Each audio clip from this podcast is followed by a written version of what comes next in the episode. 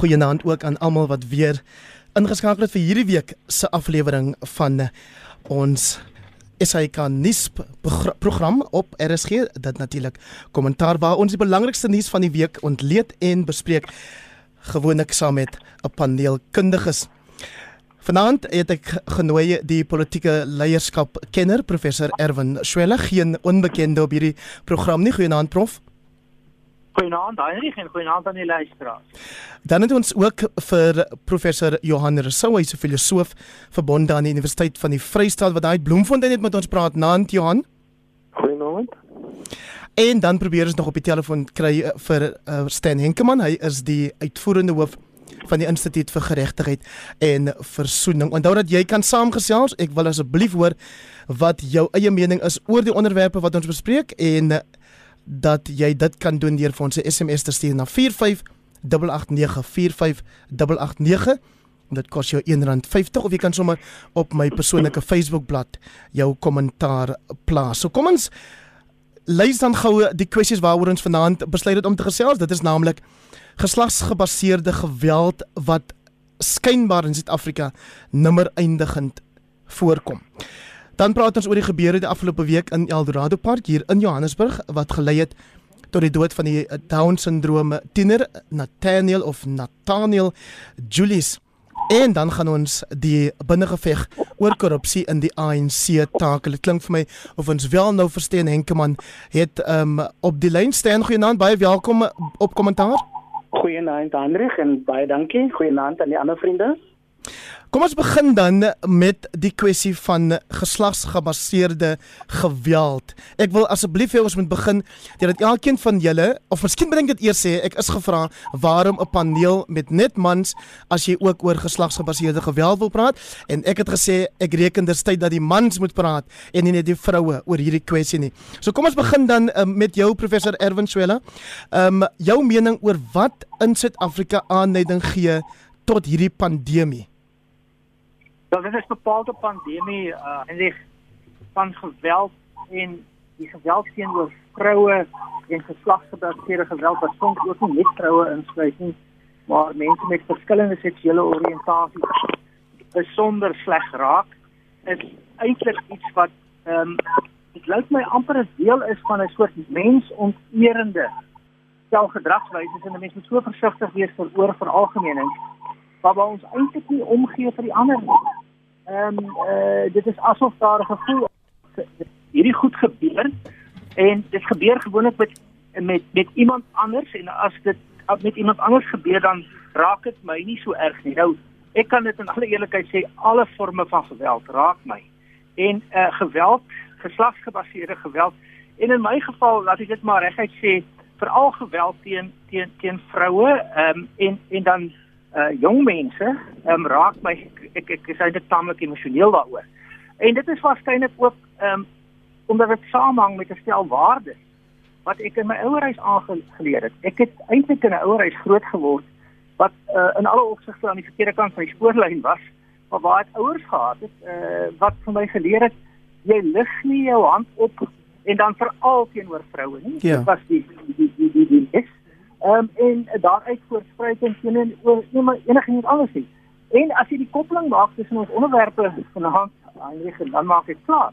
Dit is alles ook elemente van geweld inbegrepe. So geslagsgeweld ehm um, uh, en veral uh, dan teen vroue en jong kinders en uh, jong jong jong vroue. Ehm um, maar alle geslagsgeweld uh, is is verskriklik. En terselfdertyd ek sê, sonder om afbreek daaraan te doen dat dat korrupsie 'n vorm van van van mensonterende geweld. Eh en, en dat ehm um, polisiegeweld is 'n vorm van mensonterende geweld. Ja. Ons het 'n soort obsessie, 'n uh, perverse obsessie met geweld, maar ons is dikwels geneig om te sê ja, ons kyk daarna en as dit net die ander tref, is dit nie vir ons ernstig nie. Daarvan ons ons spaar af vir 'n nuwe solidariteit bou. En ons gaan die lewe hier kort baie eh uh, brutaal en uiteindelik eh uh, uh, uh, ja, baie kort word. Dankie prof. Kom ons hoor dan wat sê professor Johannes sou daar van die Universiteit van die Vrystaat. Jou mening oor wat aanleiding gee spesifiek in die Suid-Afrikaanse samelewing tot geslagsgebaseerde geweld, Johan?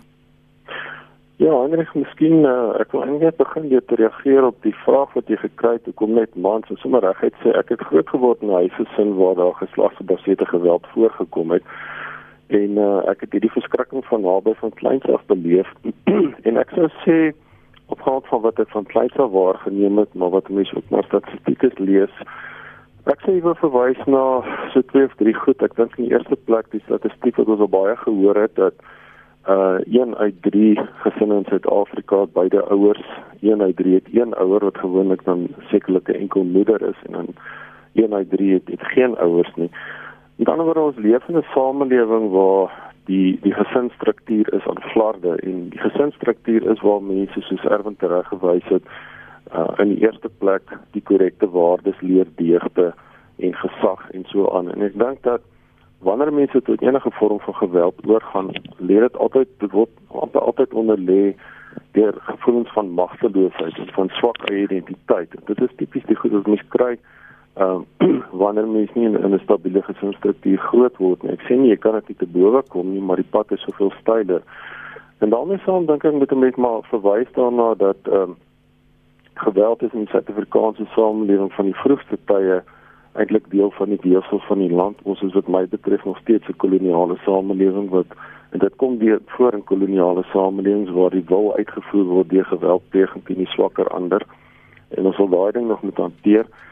En ek dink dan die derde ding, 'n mens moet nie die impak buite rekening laat van 'n toenemend swakker ekonomie en vervallende staat op gewone mense nie. Dit plaas ongelooflike druk toenemend op die burgery En ek dink ironies genoeg juist die mense wat in die swakste materiële posisie is of in in in in in 'n in 'n swak sosiale opset is verskriklik uh, vatbaar vir hierdie tipe ding. En daarmee sê ek definitief nie dat soos Erwin gesê het almal aan die verkeerde kant van die spoorlyn dat dit tot die soort van ding wenk nie. Maar ons weet ook dat as mense weerloos en magteloos voel, ja. dan is die versoeking dalk makliker of groter om in die soort van ding te gee. Steng en kom aan jou reaksie op die vraag? Ja, hy eintlik ek stem saam met die die die vorige sprekers dat dat hierdie is eintlik 'n baie komplekse storie. Maar my gevoel is dat ons ons moet dit op verskillende vlakke na kyk.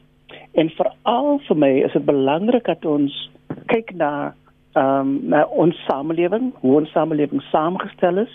Ons moet kyk na die androsentriese ehm um, geaardheid van ons samelewing dat ons nog steeds 'n uh, uh, soort instelling in hierdie land dat dat die mans is die hoof uh, en hierdie kom ook uit uit deur ons godsdiens, dit kom deur ons kultuur. Ehm um, en en en tensy ons daardie goed begin aanspreek. Ehm um, dan is daar ook die kwessie van die die ont, die ontmanningsstrukture in ons in ons samelewing. Oor die jare heen was mans en veral mans wat werkersklas was, ehm um, was hulle absoluut uh uh, uh ondermyn en onderdruk. En en so dis kompleks. En en en daarom is dit belangrik dat ons weer moet kyk in ons uh, as ons dit aanpak na ons wêreldbeskouing ons moet kyk na hoe wat is ons gesindhede teenoor uh mekaar en en en dit is 'n baie dieper ding as net en ekonomiese en en ander faktore is is 'n saak wat bydra tot dit maar ek dink ons moet diep gaan en gaan kyk na die die onderliggende kultuur wat oor die honderde jare geskep is. Dis belangrik uh, Erwin Swela dat ons dieper moet gaan kyk soos wat Stan Henkemann sê, maar op die oppervlak sien ons wat die Mail and Guardian byvoorbeeld Vrydag berig het dat daar iets soos 200 klagtes of sake per dag aangemeld word en dat daar 'n agterstand van 35000 is in DNS toetse wat gebruik moet word om die vermeende oortreders uh, hof toe te neem. So, eintlik ja, kom ons sê dan nou daar is uh, psigologiese, net sielkundige oorsake wat te maak het met 'n uh, eh, individu se ingesteldhede. Daar is sosiologiese oorsake wat te maak het met die verhoudingsstrukture in ons samelewing. Daar is politieke oorsake wat te maak het met die magsveranderlikes in ons samelewing. Daar's kulturele verander uh, oorsake en en gevolge wat te maak het met die waardestelsels in ons samelewing. So as jy as jy daai elemente van persoonlike ingesteldheid verhoudings uh, magsoorwegings en uiteindelik waardes bymekaar bring, dan um, kry jy dat um, ons dan ook en 'n mens weet dat Suid-Afrika 'n baie diverse land en ons moet ons diversiteit vier en daar's baie voordele in diversiteit. Maar dit beteken ook dat daar verskillende manifestasies is van hierdie soort verskynsels. Wat dit ook moeilik maak om eerstens om te verstaan en as jy dit nie verstaan nie, kan jy dit ook nie behoorlik aanspreek nie. Dit maak dit dus moeilik om dit tweedens aan te spreek. En dan derdens, um, is dit nou sodat as jy hierdie soort verskynsels het, dan moet jy dit aanspreek op wyse wat te maak het met opvoeding en die die die hersosialisering of die integrasie in die persoonlikheid van nuwe gedragswyse. Terselfdertyd moet die die die agente van maatskaplike beheer wat onder andere die polisie, uh die die die, die maatskaplike werkers, die die instellings wat uh werk met met met met geslags en ander vorme geweld van geweld insluit. En dan het mense daar ook die die die, die ongelukkige feit dat die vermoë om dit goed te doen net nie vreeslik aanwesig is. So byvoorbeeld, terug na die na die na die, die, die goue draad tussen die verskynsels wat ons vanaand praat. Om dit is byvoorbeeld so dat in die gevalle van geslagsgeweld, is persoonsbewus van gevalle en dit is nie in alle gevalle so nie, dit is verskriklik versigtig vir stereotipering. Ons het ook uitstekende professionele polisiemense in Suid-Afrika. Maar dit is dikwels die geval is dat die polisie ehm um, ondanks streng wetgewing in die verband sal kom en sê maar uh, en die, die term wat gebruik word in in in in gewone Afrikaanse terme is hulle hou hulle nie op met huismoeles nie, dit is baie ernstige dinge om aan te spreek. So is nie weer 'n aanleiding dat selfs die die beheeragente van die samelewing wat die wat die polisie owerhede en ander owerhede in insluit, nie die nodige begrip of erns of verbintenis of vermoë het om daarmee te werk nie. En dan kan 'n mens nou nie uh anders as om te verwag dat dit sal baie goed gaan. Stel enke man as ons die situasie het waar en dis iets waaroor Dr Piet Kroukamp gereeld praat. Ek dink iets so 60% van ons gesinne is enkel ouer gesinne waar die vrou aan die hoof staan. Hoe leer jy seuns spesifiek in sulke huishoudings dat hulle respek moet hê vir vroue? Weet jy, dit is verskriklik moeilik. Ehm um, ek kom self uit 'n enkel ouer uh, uh, gesin uit. En ek ek dink terug aan hoe moeilik dit vir my ma was En en baie keer is is is die die enkelouer so oorweldig deur werk, deur 'n uh, 'n 'n bestaan te maak dat um, daar baie min tyd is veral vir seunskinders. En seuns het rolmodelle nodig. En ongelukkig in in in uh, veral in armer gebiede is hierdie rolmodelle buite die huis maar is ook negatiewe rolmodelle. So dis verskriklik moeilik en ek dink een van die dinge wat wat vir ons belangrik is is om wat ons noem to to address the vulnerability of young boys.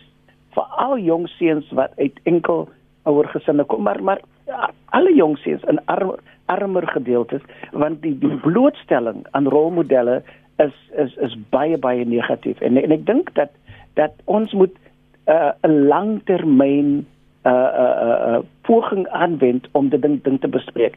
Ja, elke keer as ons besprekings soos hierdie het, dan praat ons van waar faal ons, wie is verantwoordelik, wie is nie verantwoordelik nie. Ja.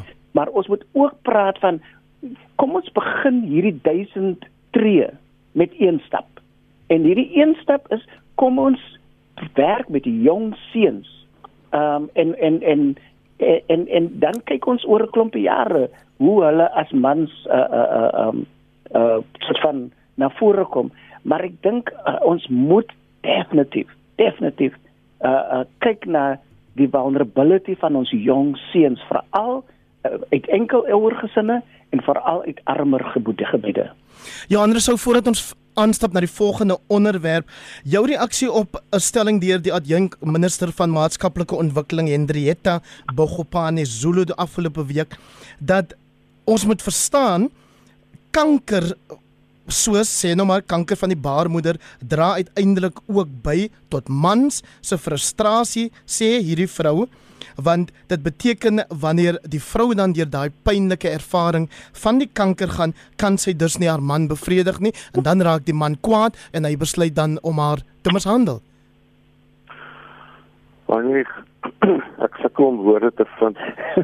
Uh laat ek maar net sê dit is 'n gek verwerplike ja. uitspraak tipies van 'n politikus wie se party in die moeilikheid is en uh jy weet die, net die net die soort van veronderstelling daar dat 'n vrou nou eintlik nou net nie reg staan om 'n man te bevredig. Ek meen jy kan nie glo 'n uh, persoon wat sogenaamd maatskaplike ontwikkeling gemoeid is kan in die jaar 2020 van ons Here se dit twak kwytraak nie.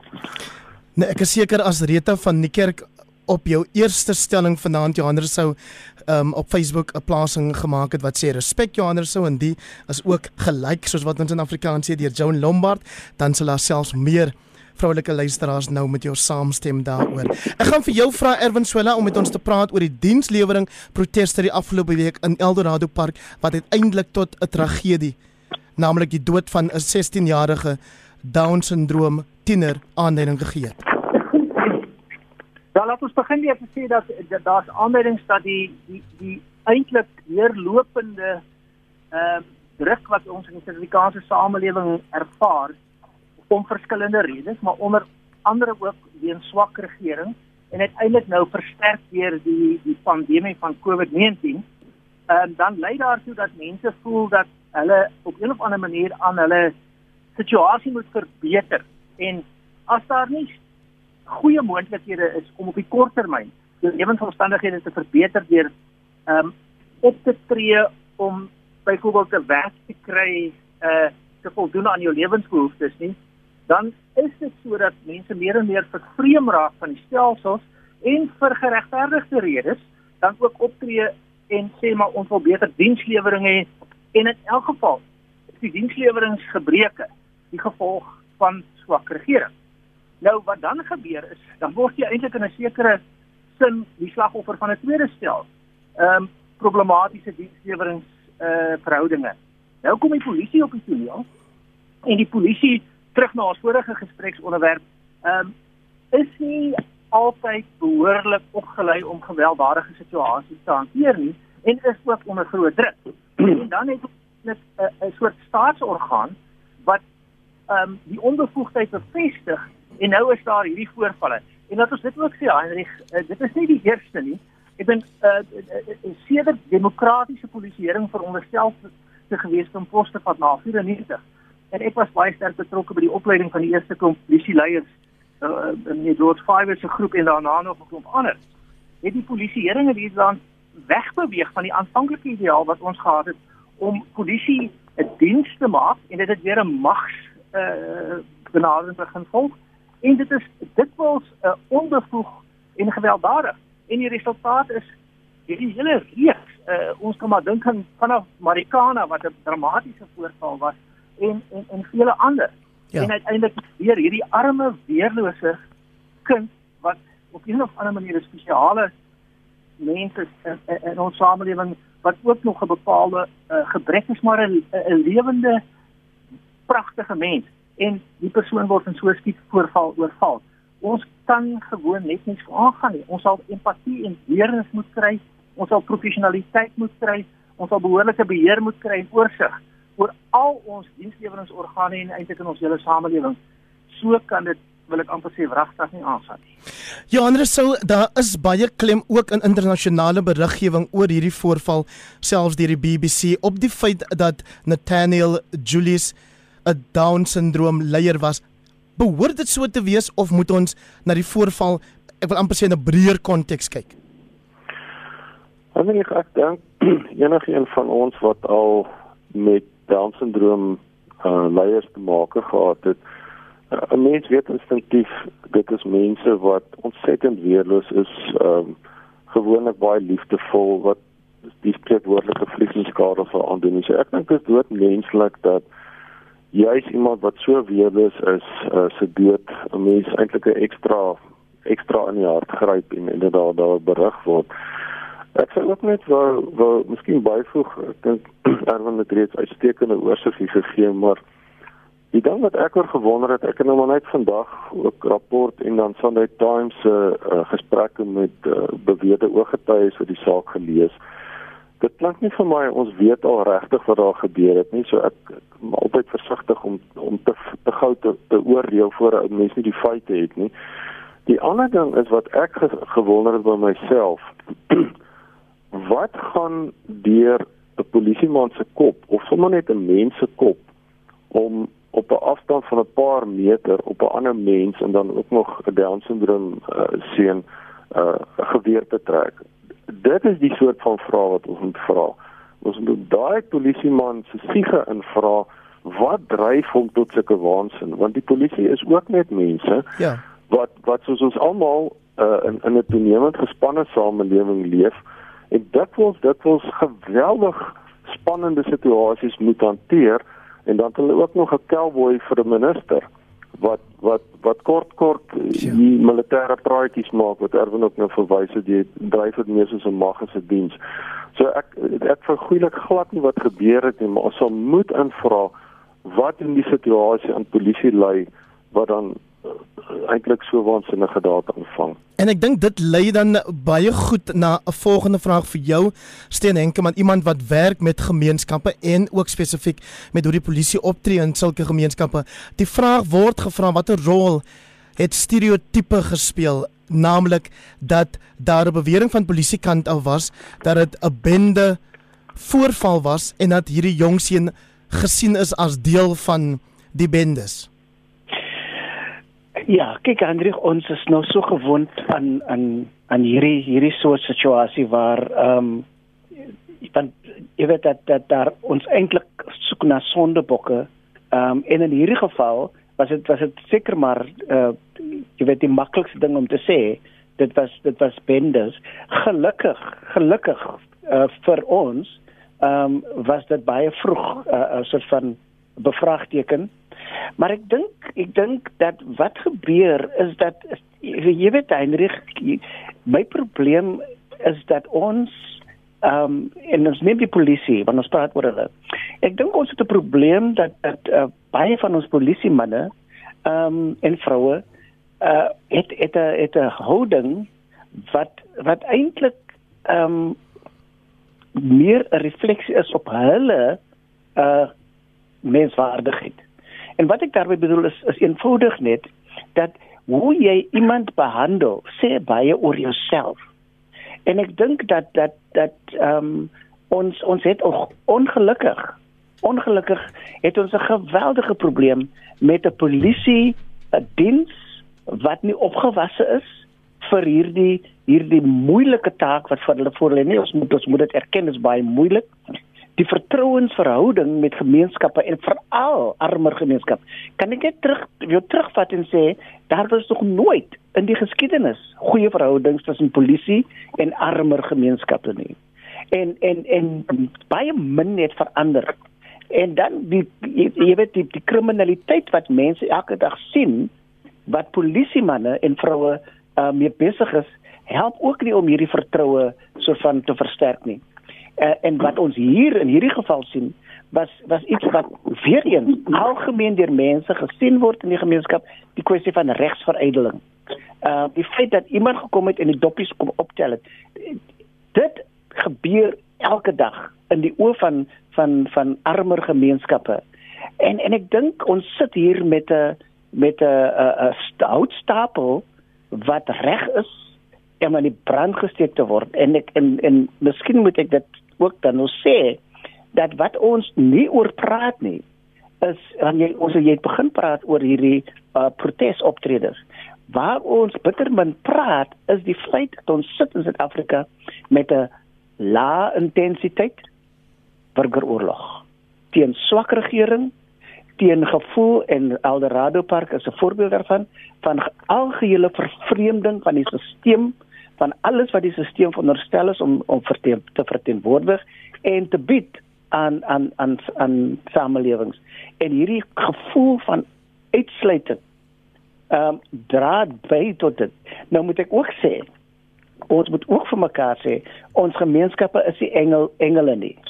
Ehm um, en en en en en ons moet in ons gesprekke ook daardie aspek inbring. Maar wat gebeur het in met met Nathaniel Julius kan glad nie geregverdig word op enige manier nie. En en ek dink dat dat ons dit is uh, die Engelse woord is enigste woord ek kan kan dink dit is absoluut obscene dat iets soos dit kon gebeur. Swela ons moet aanbeweeg na die belangrike kwessie van wel op die politieke front, maar kom ek gee net gou vir jou geleentheid om te praat ook oor wat ons so hartseer hierdie naweek weer gesien het en uh, een van ons luisteraars Dani van Wyk van Kuilsrivier wys juis nou daarop in 'n boodskap en dit is die dood van nog 'n gesin op 'n plaas in KwaZulu-Natal hierdie keer. En dan het ons natuurlik hierdie naweek gesien ook dat ehm um, motorfietsryers het juis 'n uh, ehm um, wat se mense protes gedoen of 'n uh, openbare ehm um, uh aksie geloods om te wys dat hulle gekant is hierteen. Jou reaksie oor die feit dat hier het ons nog 'n geval van plaasmoorde wat ook net nie einde kry nie. Eilig maar dit sluit aan by die punt waarmee ek begin het en ehm um, gee my kans om dit miskien nog duideliker te stel. En dit is om te sê dat as ons hierdie soort obsessiewe betrokkenheid by geweld wat eintlik verwerf is meestal ook waar ons minder van 'n probleem het met geweld teenoor die ander, hoe ook al die ander gedefinieer word. As ons dit voorsit, dan voortsit dan ons 'n gebrek aan solidariteit. Ek herinner my ek het baie jare gelede ook gewerk met Kossatu. En by Kossatu was daar altyd hierdie standpunt gewees en injury to one is an injury to all. En ek dink hoe gouer ons daai spreek in 'n soort solidêre uitdrukking van die veroordeling van alle forme van geweld ehm um, bymekaar kan kry en sê dat as enige mens, kom ons begin maar by die breed, breedste, mens kan selfs diere ook daarbey insluit, maar as 'n mens gewelddadig ehm um, aangerand word, uh, uh beseer word, uh, enige mens, dan behoort daar eintlik 'n gevoel by almal te wees dat ons empatie en deernis het. Maar dit lyk tog asof daar hier afstand is.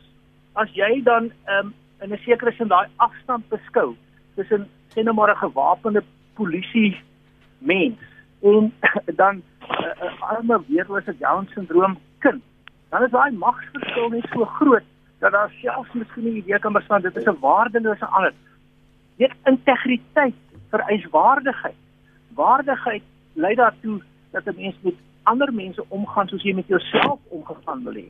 En ek dit ons sou daai idee moet terugkry van Kossatu af wat gesê het 'n injury to one is an injury to all. Of dit 'n plaasboer is en sy vrou wat daarna sy werkers nie meer ehm um, dat wat daar nie meer vir hulle voorsiening is nie of dit dit 'n arme down syndroom seun is in 'n in 'n in 'n in 'n in 'n gemeenskap wat onderdruk is. Ons sal moet sê dat dat ons moet aanvaar dat ons moet ophou an injury to one is an injury to all en ons moet universeel voer ek weet dat uh, die kwessie van uh, polisie geweld sal ook môreoggend op praat saam met Lenet Francis Puren bespreek word en dan gaste is die afgetrede generaal Lenet Max en professor Rika Snyman. So kom ons verskuif nou die fokus kollegas na die politiek toe. Johannes sou ons het die afgelope naweek 'n spesiale nasionale uitvoerende komitee vergadering van die ANC gesien op gebeur en ek dink daar was min of meer net een uh, saak op daai saakelys naamlik korrupsie en korrupsie spesifiek wat deur ANC lede en leiers gepleeg word. Ja, Hendrik, nee, inderdaad. Ehm um, my gevoel oor die saak is dat ehm um, ek dink die ehm um, nou die dag vir iemand gesê dat die die ANC die afgelope 10, 15 jaar Die ontwikkelingsstaat het eintlik net 'n kodewoord geword vir selfverryking, sodat dit maar 'n ge ge georganiseerde syndikaat geword met verskillende tentakels en faksies. En uh, dan is die die die armstes van die armes is nou maar omgekoop met die maatskaplike toelaag, want dit is eintlik die die mense wat meerendeels nog vir die ANC stem. Maar dink die die gulsigheid het nou so groot geraak um, en en die korrupsie wat ons nou in die, in die COVID tyd gesien het het tot so uh, openbare protes aansoek aanleiding gegee dat um, uh, ek dink die, die die mense in die georganiseerde syndikaat begin nou bang raak dat hulle ekonomiese model gaan implof en hulle gaan verloor by die ten minste die munisipale verkiesing bereikende steen gaan afstaan. Ja, ek is ek moet sê ek is ek is nie verskriklik opgewonde of ek dink nie kom maar vorming of herlewing nie. Ek dink dit is nou 'n geveg om oorlewing uh, wat om wat om hier afspeel. Miskien het die president goeie motiewe. Ek bedoel as jou eie woordvoerder uh, en haar man so skandalig minslaan en jy dan kan onmiddellik af of sê toe mense luister gaan sit by die huis sonder salaris nie. Weet ek nie waar jou ruggraat is nie maar um, ja ek is ek is maar taamlik skepties daaroor. Ek dink dit dit dit kom nou te naby 'n eie lyf vir die ANC en nou is hier geskarrel in die rok Sten Henkemann dit is seker goeie nuus dat die president die afgelope week gesê het toe hy gevra is oor of hy sy party bo die belange van die land stel dat hy toe hy ingesweer is as president trou gesweer het aan die republiek. Maar dit lyk tog vir 'n mens of hy so besig gehou word met hierdie binnengevegte in sy party beslis beslis. En ek dink ek dink dat ehm um, uh, jy weet die president is eintlik jy weet soos langer sê on hiding to nothing. En en ehm um, dit lyk vir my asof daar geweldige geweldige uh uh um uh teenkanting ehm um, oor hierdie spesifieke uitspraak is. En ehm um, nou as dit nou waar is dat die brief wat wat wat uh, uh oud president Zuma geskryf het wel wel so is dan dan is ek nie verbaas nie want dat dit deel van die geskarrel. Ehm um, en die feit dat dat dat dat daar ehm um, en ons weet nog nie presies wat gebeur het nie in die, in die nasionale uitvoerende komitee vergadering nie, maar die feit van die saak is dat daar is 'n geweldige geskarrel. En en en ek dink ons moet ons moet vir president Ramaphosa erkenning gee dat hy ja, dit hierdie uitspraak gemaak het en en natuurlik 'n klomp vyande uh, gemaak het in die proses. Maar Gandhi het, het het gesê dat ehm um, as jy reg is ehm um, dan het jy geen rede om om om om kwaad te wees nie. Maar as jy verkeerd is, dan het jy geen reg om kwaad te wees nie. En dit lyk vir my dat dat dat wat nou gebeur is dat die mense wat nou so geweldig teen Ramaphosa praat, is juist die mense wat die meeste het om te verloor en um, en ek dink ons sit met 'n geweldige krisis in ons land en en die feit dat ons vanaand oor al hierdie krisisse praat is 'n aanduiding dat ons is regtig besig om klei te trap in hierdie land. Erwin Swela, wat is die een belangrike ding wat jy wil sê oor die gewraakte nou Zuma brief waarin hy byvoorbeeld vir Cyril Ramaphosa daarvan beskuldig dat hy die hele ANC in die beskuldigde bank plaas eerder as individue wat hulle skuldig maak aan korrupsie en ook dat hy deur die sogenaamde wit monopolie kapitaal aan bewind gestel is. Kom ons begin deur wat uh, die president in sy brief geskryf het. Hy het gesê uh, dat die die die ANC is aangeklaagde nommer 1. En die reaksie daarop van oud president Zuma was jy is nou besig om die hele ANC in 'n posisie te plaas waar jy hulle almal in die beskuldigde bank plaas en eintlik by implikasie sê dat hulle ten minste ehm um, prima facie skuldig is. Nou en daaroor het daar dan 'n debat ontstaan behalwe dat die die tweede element van die debat is kies jy die party of kies jy die die die land en en, en, en die regering want die regering en die party is nie veronderstel om 100% dieselfde te wees. Maar kom ons gaan terug na daai spesifieke uh, snypunt debat. Uh, ek is uh, baie jare al aan die kyk na die oorsake van van endemiese korrupsie. En ek dink wat die wat die ANC betref, uh, het dit te maak met die manier waarop nie die verkiesings in terme van die OPK en ons nasionale provinsiale en plaaslike verkiesings verloor word nie, maar die partyverkiesings. So wat gebeur binne die partyverkiesings? Binne die partyverkiesings as gevolg van die feit dat stemme gekoop moet word. Mense, die ANC, mense is is dan nou dikwels ook uh, relatief arm en wanneer hulle na uh, die die die plaaslike kies beweeg in 'n klein dorpie en dit uh, gaan nou oor die aanwys van kandidate vir die plaaslike regeringskiesers dan moet daar gebied word so dit word 'n veiling ja. daai veiling op grondvlak word dan vermenigvuldig en eksponensieel vergroot wanneer jy opdaag by Nasrek en jy agter uit die BMW se uh, se bak nou ja ek wil nie die BMW slegte naam sê nie is daar uh, uh, aanduiding dat daar honderde duisende rande is. So dit beteken eintlik dat daar 'n hele skare ekonomie ontwikkel wat wat beteken dat eh uh, verkiesings binne die ANC om uiteindelik aan nasionale, provinsiale of plaaslike verkiesings deel te neem, um, om daai kandidatuur te kry behalwe dat as jy iemand uitdaag jouself uh, vermoor kan word, of in sulke gevalle ook so dis doodsgevaarlik. Ehm um, is dit ook so dat daar 'n baie groot klomp onkoopry en daarvoor het jy geld nodig. Prof, dis nie Ja, so dis die wyse word daar gesê waarop Cyril Ramaphosa ook die verkiesing gewen het by Nasrek. Presies. Jy, as jy nie daaraan deelneem nie, dan kry jy nie die steun nie. Nou die implikasie daarvan vir vir die debat tussen die oud president en die president wat die president gesê het dat die ANC is eintlik beskuldig nommer 1 is baie duidelik. Die oud president is dan verkeerd. Want dit beteken as elke kandidaat en dit is waarskynlik ook nou nie elke kandidaat, maar as 'n groot hoeveelheid kandidaate in hierdie soort kompetisie in 'n skare ekonomie, deelneem aan 'n veiling vir die koop van stemme om uiteindelik dan invloed te kry om uiteindelik daai koop goed te maak. Dan het jy presies 'n soort waardeketting of 'n sistemiese verklaring vir die feit dat dat die ANC op hierdie manier eintlik sistemies korrup is en daarom beskuldig en nommer 1 is. Dan kan jy ook begin kyk hoe jy dit hanteer. Miskien moet mense dan begin kyk hoe die ANC se interne partyverkiesings werk. En ek weet byvoorbeeld dat meneer Cameron Dagboer met wie ek goeie verbintenisse het hier in die Weskaap, hulle het eintlik by die vorige een op alle vergaderings van die ANC, ek is nou onder korreksie, 'n beskrywingspunt uit die Weskaap gestuur wat wat eintlik begin werk het daarmee om te sê, luister ons moet die stelsel by die ANC verander want dit is eintlik die wortel van die kwaad, hierdie veiling vir vir vir, vir posisies binne die ANC om uiteindelik dan posisies in die regering te kry om uiteindelik dan voordeel te kry wat jy kan weer verdeel. En dan koppel dit nou aan 'n laaste punt daai Henry. Daar sit binne in die ANC ehm um, se hoofkantoor. So daar 'n groep mense, hulle noem hulle self die Progressive Business Forum. So, die mense verkoop eintlik invloed ehm um, in die in die mees uh finale sin moet jy 100 000 rand betaal of 10 000 rand betaal om by tafel te gaan 'n funksie.